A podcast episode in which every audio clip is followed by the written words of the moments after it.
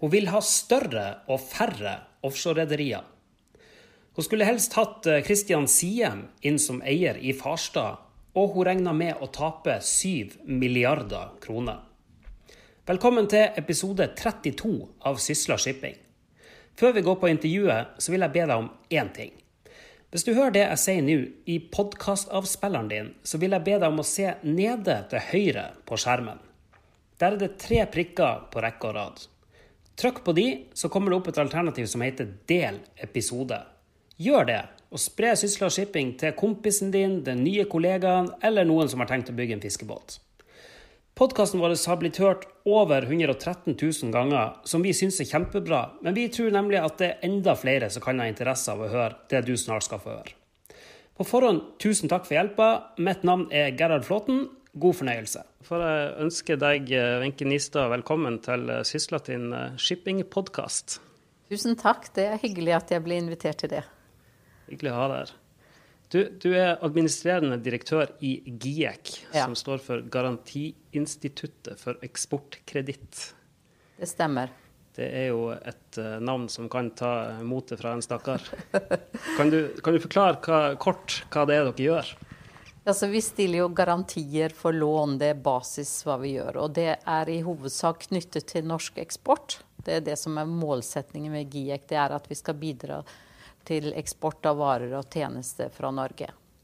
Men det som er veldig hyggelig, det er at under denne siste regjeringen så har vi fått et nytt produkt. Så nå kan vi også være med på investeringer i Norge hvis bedriften har mer enn 50% eksport. Ja. Og det syns jeg er kjempegøy og spennende.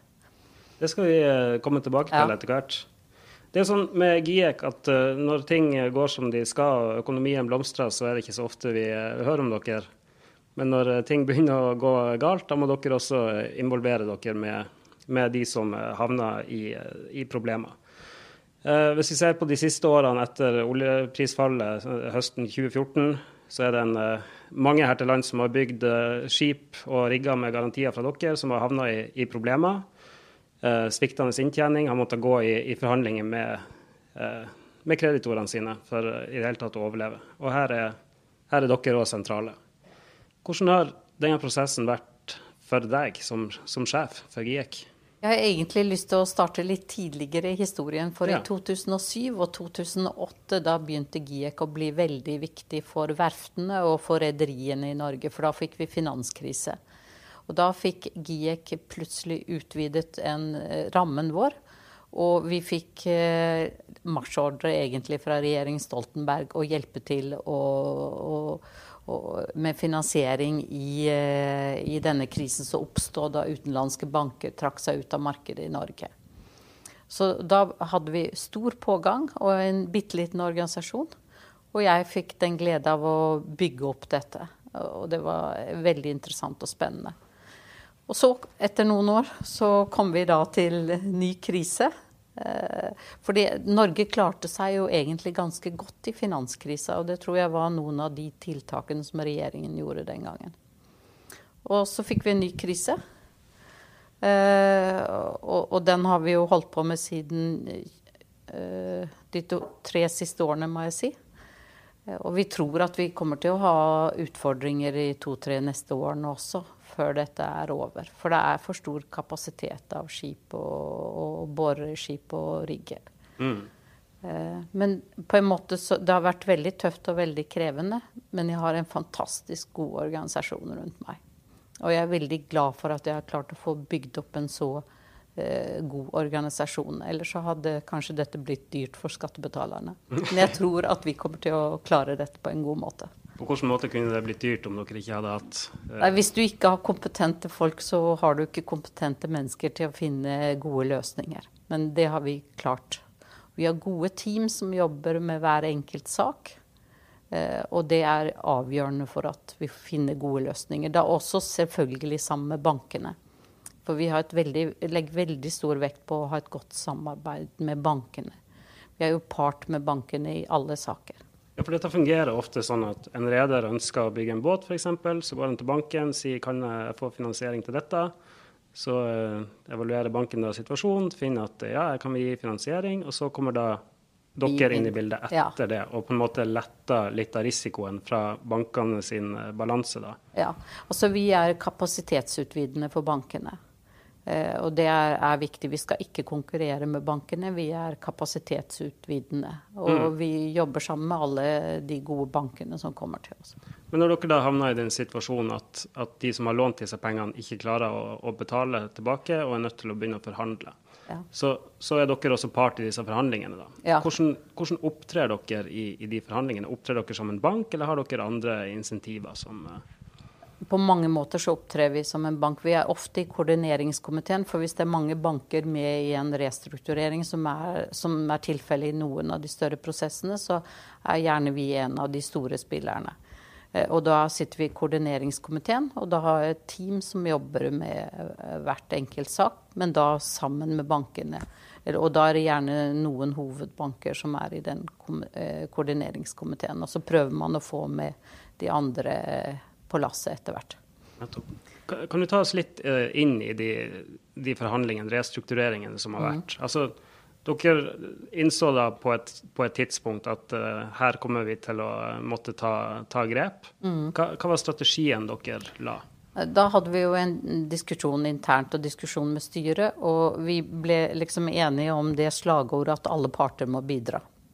Eierne må bidra, eller så må man få inn ny kapital.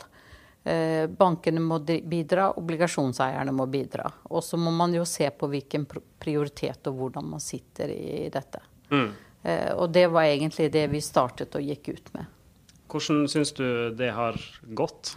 Eh, vi har jo prøvd å få dette til i alle saker, og mer eller mindre vellykka. For vi, vi er jo bare én av flere parter, men det har liksom vært ambisjonen vår. Og så har vi forsøkt å få litt langsiktige løsninger. Altså som varer mer enn ett år eller to år. Og i de fleste tilfeller så har vi fått til det også. Mm.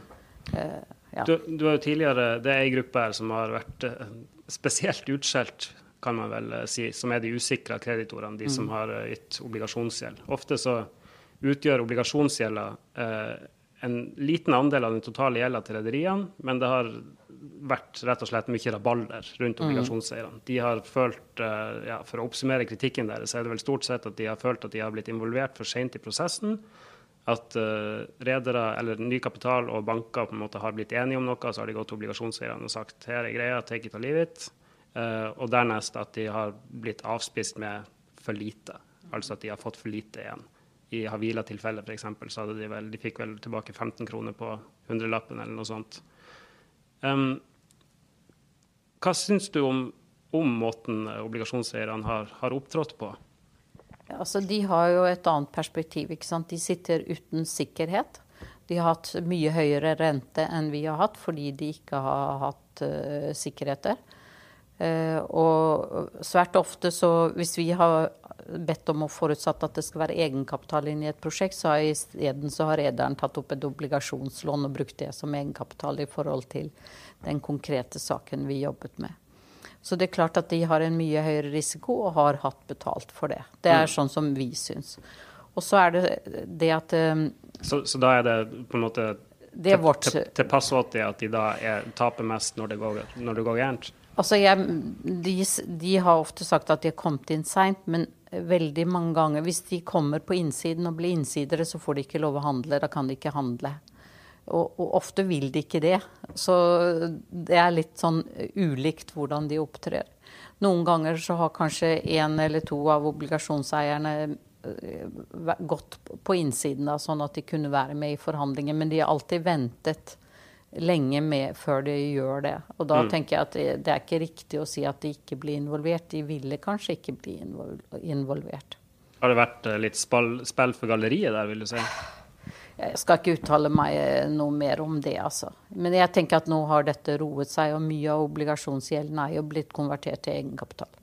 Ja, og, og det har også dere gjort. Dere har også konvertert eh, gjeld til egenkapital. Ja, det har vi gjort. Og det har vi fått lov til i regelverket vårt. Så vi kan opptre på lik linje med bankene. Så det gjorde vi jo i Farstad-Solstad-saken, og vi gjorde det i Havila-saken. Mm. Men vi har også tiltrådt pant og tatt uh, assets. Det har vi jo gjort også. Og det er noe som GE kan gjøre også. På samme måte som en bank. Ja. Har dere, altså, er det de samme tersklene for dere for å gjøre det? Sitter veldig langt inne for dere å realisere et pant og faktisk ta et skip fra en, fra en reder? Ja, altså det er jo ikke alltid det er så lurt å gjøre det heller. For vi er ikke rigga for å Vi må jo ha en reder til å ta hånd om, om, om, det vi blir eier av også. Så vi er jo ikke rigget for det. Så det er jo ikke noe som vi gjør med stor glede. Mm. Det er det ikke. Men hvis det ikke er noen andre løsninger, så må vi se på det òg. Jeg husker ikke på stående fot. I hvilke tilfeller er det dere har eh, realisert? Ja, vi har jo gjort det f.eks. på et boreskip. Eh, som ikke var eh, Som jobbet i internasjonal eh, kontekst. Men det har vi solgt igjen, da. Ja, nettopp. Og, og, det gjorde dere også med de aksjene dere ble sittende med i, i Farstad? Ja. Eh, det er jo en forutsetning fra regjeringen og mandatet vårt at vi ikke skal være langsiktige eiere. Så det er noe vi kan gjøre i forbindelse med restrukturering, og så skal vi ikke være langsiktige eiere. Mm. Så det står veldig tydelig i mandatet. Det gjelder også hvis vi blir eier av et skip eller noe sånt. Vi skal ikke være langsiktige eier. Men vi må jo selvfølgelig finne en fornuftig løsning på det. Men så skal dere samtidig på en måte maksimere verdien for, for skattebetalerne. Hvis ja. du ser på Solstad-Farstad-tilfellet, så etter fusjonen, da dere fikk disse eh, aksjene, så har jo kursen rast. Man mm. kan jo hevde at dere solgte på et uh, ugunstig tidspunkt. Ja, vi var litt seine med å selge, og det var vel fordi at alle, alt regelverk og mandatet vårt var ikke helt ferdig utformet. Nettopp. Ja. ja. eller litt tidlige med å selge, for de ja, som tror at dette det kommer tilbake. Det vet vi jo heller ikke. Men det, det, er lett, det, er lett, å se i historiespeilet. Mm. Men dere skal i hvert fall ikke sitte med eiendeler lenge? Vi skal ikke sitte lenge, nei. Um, ja, vi var litt inne på det, men um, altså, dere sitter altså i i en forhandlingssituasjon ved siden av, av bankene. Og sånn som jeg forstår det, så vil dere nesten alltid egentlig ha, ha de samme synspunktene som bankene på ting. I hvert fall i veldig mange tilfeller. Nå kan bankene sitte i andre posisjoner.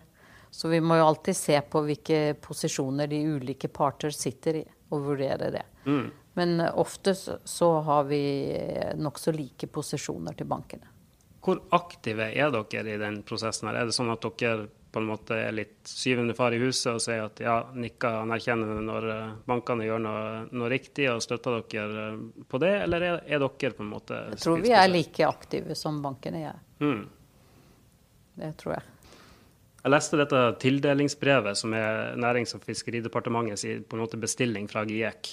Ja. Dere får det hvert år, gjør ja, dere det? Ja, det er helt vanlig prosedyre. i Mm. Og Der står det jo, som ikke er en overraskelse for noen, eh, at GIEK rapporterer om økt sannsynlighet for utbetaling under garantier, da et betydelig antall låntakere er eller forventes å komme i økonomiske vanskeligheter eller mislighold. Mm. Hvordan står det til med porteføljen deres i dag? Altså, vi har jo gjort betydelige tapsavsetninger. Eh, og vi har også erstattet eh, vi, har, vi, er jo sånn at vi kan erstatte avdrag for avdrag for de som får avdragsutsettelse. Og det har vi gjort til en viss grad. Hva vil det si? Nei, altså Hvis et rederi ikke har, har, fått en avtale Vi har jo vært gjennom en restrukturering ikke sant, sammen med de andre bankene. Og så avtaler man at de skal bare betale 50 av avdraget, eller de skal få mer avdragsutsettelse. Og da kan vi erstatte det til f.eks. Eksportkreditt eller hvem som har fundet denne transaksjonen. Og dere subsidierer på en måte avdragsfriheten? Er det sånn Nei, vi subsidierer ingenting. Vi får renter og rente for det. Ja, så da overtar vi den fordringen og får renter. Det er litt sånn komplisert, men det er en, en grei måte å håndtere det på. Jeg tenker at GIEK har tjent en hel del penger i de gode tidene, og de har vi på konto. Mm. Og de pengene kan vi bruke til dette. Så jeg tror jo, har sagt til departementet at eh, vi tror at vi kommer igjennom de to-tre nærmeste årene, i hvert fall uten, uh, uten å måtte låne penger i statskassa. Nettopp. Så dere har uh, fett å tære på? Ja. ja, vi har fett å tære på, heldigvis. Og det er jeg fryktelig glad for. Men um hvor, hvor store tapsavsetninger er det? 7,noen milliarder. Av en total portefølje på? Altså, vi er omtrent på 90 nå, tenker jeg. Ja. Det er en ganske stor andel. Ja. Og Skiller man her mellom tap som er tatt, eller avsetninger for tap? Avsetninger er det jeg snakker om da. Ja. ja. Men det, i årsregnskapet vårt så ser du også hvor mye erstatninger vi har betalt ut. Hvor mye er det? Ja, nå er ikke disse tallene helt offentlige ennå, så jeg tror jeg ikke, ikke sier så mye om det. Kan man si at dere har vært for ivrige til å på en måte gi garantier? Jeg tenker at vi har vært for ivrige alle sammen. Både rederen og banken og vi. Og mm. obligasjonseierne. Alle sammen har jo vært altfor ivrige. Var det noen hos dere som på et tidspunkt i 2013 reiste seg opp på møtet og sa at eh, hei, nå går dette over styr? Ja, vi la jo til og med ut på nettsiden at vi mente at nå var det nok PSV-er, i hvert fall. Nettopp. Når gjorde dere det? Nå må jeg det, det, har vi jo hjemme, men jeg, jeg, lurer på om det var i Det var kanskje i tolv, til og med. Ja. Så GX-analytikere sa at nei, nå er det for mange båter. Men likevel fortsatte dere å låne Nei, penger? Da prøvde vi å stoppe, og da fikk vi mange som var sinte på oss. Men det har jo blitt uh, bygd massevis av båter siden uh, eh, 2012? Ja, men vi har nok ikke vært på Altså da har vi krevd mer egenkapital, eller uh, at bankene må ta en større andel av båtene. Nettopp. På, nå snakker jeg om PSV-er spesifikt, for det var det vi gikk ut med mm. på det tidspunktet. Nei, jo, altså, alle segmentene her er jo i mer eller mindre trøbbel. Ja, nå, men på den, den, gangen så var PSV kom først. Nettopp. Og så kom ankerhåndterere, og så kom konstruksjonsskip og drilling osv. Så, videre. så det, dette har jo kommet gradvis, i hvert fall eh, fra våre analytikere. Mm. Så da er det ikke noen eh, det tenkte jeg å spørre deg om, det er ikke noen automatikk i at selv om banken på en måte godkjenner et prosjekt, at dere kommer til å gå inn i det? Nei, eh, og vi kan stille strengere krav. Og det har vi også fått klager på mange ganger. Nettopp. At vi stiller strengere krav enn banken. Ja. ja. ja. dere får jo kritikk noen ganger for å være for, for rigide. Ja, for vanskelig. Og det, for, og, og det er jo fordi vi har et annet markedssyn eller et annet syn på risikoen enn banken f.eks. Nettopp. Hvem er det som har rett da? Er det dere som, deres linje bankene burde føre, eller er det bankenes linje dere burde føre? Historien vil jo vise det, da. Men det er jo også forskjell mellom bankene. ikke sant? Én bank kan være enig med oss, og nabobanken kan være uenig. Ja, eh, ikke sant? Så det fikk det... vi jo se. Vi arrangerte Sysla Live i, i Ålesund. Da ja. kunne dessverre ikke du eh, delta. Ja. Men da så vi jo forskjellen på F.eks. Uh, DNB og Sparebank1 SMN. Mm. Der, uh, der, var det snakk om Solstad Farstad, og DNB mm. ivra for en uh, sammenslåing, mens uh, Sparebank1 SMN ivra for lokalt eierskap der. jeg vil spørre deg litt om det. Da, da Farstad sto i spill for alvor mm. etter at løsninga med Siem hadde havarert, så var de klar med ei, ei lokal løsning.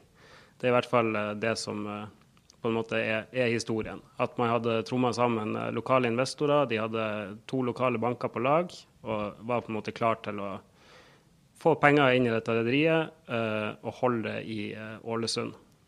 Og så endte det med at uh, det ble ikke sånn. til slutt så ble Farstad fusjonert inn i Solstad med Aker Røkke og Hemen Holding, Jon Fredriksen i ryggen. Hva, hva var deres rolle oppi det som skjedde der? Altså, først vil jeg si at GIEK prøvde lenge å få til den ordningen med Siem, for det mente vi var best. Da kom det mye nye penger inn. Eh, men det ble jo stoppet av obligasjonseierne. Eh, og så kom disse andre alternativene på, på bordet. Og da er det jo sånn at Jeg tror det var 14 banker, hvis jeg husker rett. Og 14 banker må bli enige om løsningen. Og, og hvis man ikke får det, så har du jo ingen løsning. Det holder at én er uenig? Ja. ja. Så dermed så, så, Det er viktig at alle blir enige, ellers så får du ikke en løsning. Mm. Og det var jo den situasjonen man hadde da. Eh, men ja, for, for, å starte med det du sier om, eh, om Siem-løsninga. Der skulle altså Christian Siem gå inn med 1 milliard, milliard ja. uh, i frisk egenkapital. Han skulle vel uh, ha ca. 50% av selskapet, hvis jeg ikke husker feil. Lovte å holde hovedkontoret i uh, Ålesund, men der Vi snakka med Tom Hestnes oppe på samme Sysla Live, og han fortalte om hvordan de på en måte gikk med på en avtale med At Aker egentlig bare tok over avtalen. Hvilken, hvilken løsning hadde dere foretrukket? Altså, i, i, hvert fall på det tidspunktet så viste regnestykkene våre da at uh, eh, CM-løsningen var den beste. Ja. Men det ble ikke det. Og vi fikk ikke Altså, vi klarte jo ikke å bli enige om det på kreditorsiden. Og da må vi ta, uh, ta det til etterretning. Men når dere kom til det neste steget, og så den lokale, for å kalle det den lokale løsninga opp mot Solstad Det var jo ikke enighet om den heller. Nei. Nei, ikke sant? Så da er ikke det en løsning. Så det eneste man klarte å enes om, var det som ble resultatet? Ja. ja. Var det motvilje at GIEK gikk med på det? Eh, jeg tenker at på det tidspunktet hadde vi ikke noe veldig andre valg.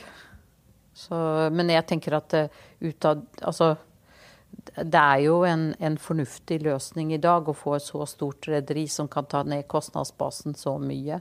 Det, det, er, det tenker jeg er en god altså det er en fornuftig løsning, det vi har nå. For dere har ivra for, for, konsolidering? Ja, ja, Vi tenkte at konsolidering er absolutt nødvendig. Eh, og vi tenker at ennå så trenger man mer konsolidering. Det skal bli færre norske offshorerederier hvis dere får det sånn som dere vil? Ja, altså, det høres så veldig ut som vi vil, men vi må få en levedyktig næring. Eh, og med mange små så er det ikke så lett å få det levedyktig. Mm. Altså, det er fortsatt veldig mange som eier PSV-er i det norske markedet, f.eks. Eller Nordsjøbassenget, burde jeg si. Nordsjøbassenget. Ja. Verdsetter dere lokalt eierskap? Altså, GIEK er jo til for hele Norge. Altså, vi kan ikke liksom forskjellsbehandle den ene byen foran den andre byen eller noe sånt. Vi er til for hele Norge om å gjøre det som vi mener er riktig ut fra det perspektivet. Man kan vel i teorien i hvert fall forestille seg at uh, utenlandske interesser, finansielle interesser, kan uh, komme inn i uh, norske rederier og den slags? Selvfølgelig så kan det skje, og det vet man jo ikke hva som skjer i fremtiden. Det er helt umulig å spå om. Men eh, jeg tenker at det som er Norges konkurranseevne der, det er jo at vi er, er gode og, og, har god kunnskap om uh, drift av skipene, om teknologi osv. Og, så og det er det som er beskyttelsen. Uh, og ikke, ikke, enkeltpersoner. Det tenker jeg. Vi, mm. Som cluster så må vi være gode, og da kommer vi til å være her. Men hvor viktig er lokalt eierskap for å for å ha det clusteret? Ja, det, det, har jeg ikke tenkt å uttale meg spesielt om. Lokal, da er det igjen hvor er lokalt eierskap, ikke sant. Eh, Oslo Børs. Ja. Mm. Eh, det er jo noen som er fornøyde med dere òg. Jeg gikk litt gjennom eh, arkivet vårt. Eh, per. Sævik i Havila han sier at han har et godt forhold til GIEK. Ja. Han nevnte vel at det kanskje skyldes at her var man tidlig ute med å med å flagge at man kom til å trenge, trenge hjelp, og at man gikk tidlig i, i dialog. Så har vi Herøy-reder Stig Remøy. Han er ikke like, like happy. Han sa til Sunnmørsposten på et tidspunkt at du skal ha ringt eh, personlig rundt til mulige investorer for å advare dem mot å gå inn med penger i rederiene. Er det sant? Dette har jeg da ikke tenkt å begynne å diskutere her. det får du ikke svar på. Jeg har ikke tenkt å snakke mer om dette. Men hva, kan du si noe om hva det var som, som skjedde der? Nei. Tyst? Ja. det får jeg eh, respektere. Dere låner ut penger til særdeles sykliske næringer, får vi si. Både i hvert fall shipping og, og rigg. Eh, når det går opp, så går det kjempefort. og Gjerne raskest på slutten, for da skal alle bygge for å være med på oppturen. Og når det går nedover, så er det tilsvarende, tilsvarende mørkt, for å sette litt på spissen. Hva, hva er deres ansvar, for å si det sånn, eh, for å på en måte motvirke syklikaliteten, i mangel på et bedre ord, i disse næringene? Vi har jo indirekte eh, prøvd det. Eh, og du sa jo at vi var rigide og lite fleksible for et øyeblikk siden. Det er jo når vi da har sagt at det her må det mer egenkapital, eller dette prosjektet er ikke godt nok. Det er jo kanskje når når alt har vært euforie rundt oss, og vi tenkte at nok er nok. Eh, så da er vi jo egentlig litt motsykliske, i hvert fall. Mm. Men så har vi jo hatt den policyen at vi ser på hvert enkelt prosjekt, altså. Eh, det gjør vi. Eh, ja. Så dere prøver å være den litt kjipe ja, på festen? Men vi ble tatt ut av ganske mye i sommeren 14. Sånn størrelsesorden 14 milliarder. Ble re, altså fordi at vi ville ikke gå ned med prisen, f.eks. Hva, hva, mener du med at dere ble tatt ut? Nei, Vi ble refinansiert. Eh, ikke sant? Når markedet var Alt var eh, rosenrødt. Mm. Da kommer de og skal ha lavere pris på lånet, ikke sant. Og da sa vi nei takk. Ja. Dette går vi ikke med på. Og så ble vi refinansiert. Uh, det vil si at da kommersielle aktører gikk inn og tok ut det dere mm. hadde garantert for, fordi at de hadde gunstigere betingelser? Ja. Det høres ut som et uh, faresignal. Ja. Nei, det var helt greit, det. Så sa du at 14 milliarder ble tatt ut av GIEK i, ja. i 2014? Sommeren 2014. Hva sier det deg? Nei, altså da var vi litt mindre optimistiske enn de andre.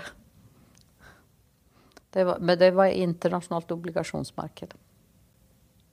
Det har vært interessant å vite hvordan det gikk med de investeringene. Det har sikkert gått ganske dårlig. Jeg vet en hel del om det, men Det får vi glede oss over nå. At ikke det er vårt problem.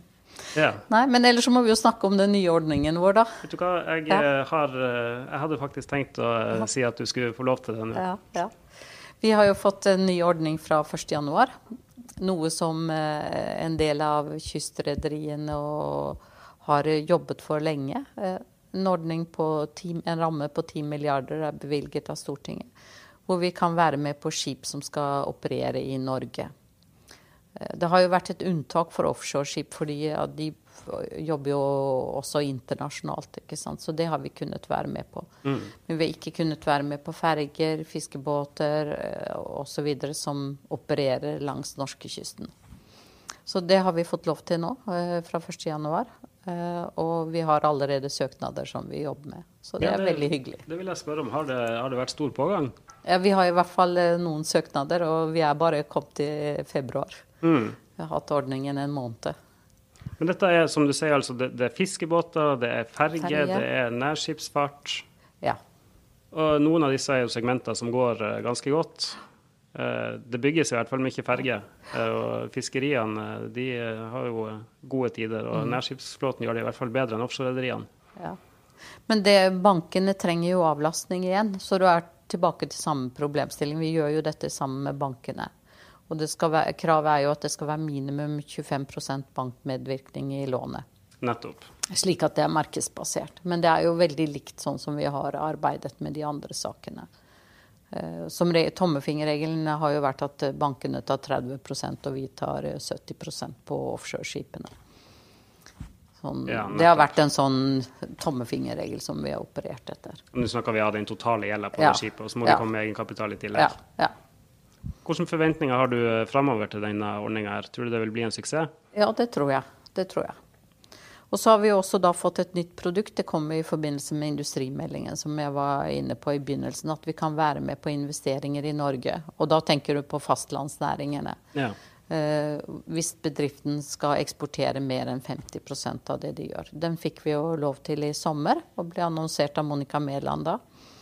Og der har vi gjort de to første transaksjonene. Det ene er en fiskeriforedlingsvirksomhet i Finnmark. Mm. Finnmark Fisk, som vi har gjort sammen med DNB. Og så har vi gjort en større, altså Yara en større fabrikkutvidelse i Porsgrunn.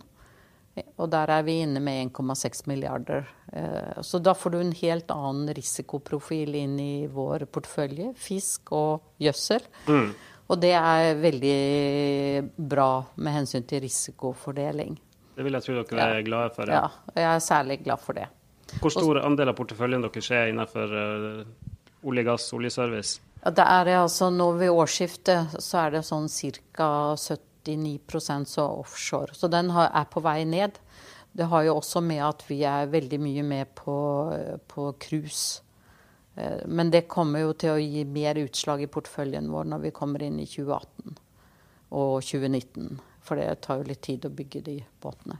Ja, nettopp. Så eh, i porteføljen ser du ikke det, men jeg ser jo at det kommer. Mm. For vi har jo tilsagn ute, ikke sant. Eh, så det er jo veldig bra. Så jeg håper at verftene klarer den omstillingen på en god måte. Så vi er jo med på alle de cruisebestillingene som er kommet til Norge nå. Ja, her har jo eh, verftene gjort ei voldsom omstilling fra ja. nesten utelukkende å bygge offshore til å snu seg mot brønnbåt og ferge, og, og, og ikke minst passasjermarkedet. Ja, det er jo både Color og Hurtigruta og Pona. Det er veldig spennende, så jeg håper virkelig alt dette går bra. Mm.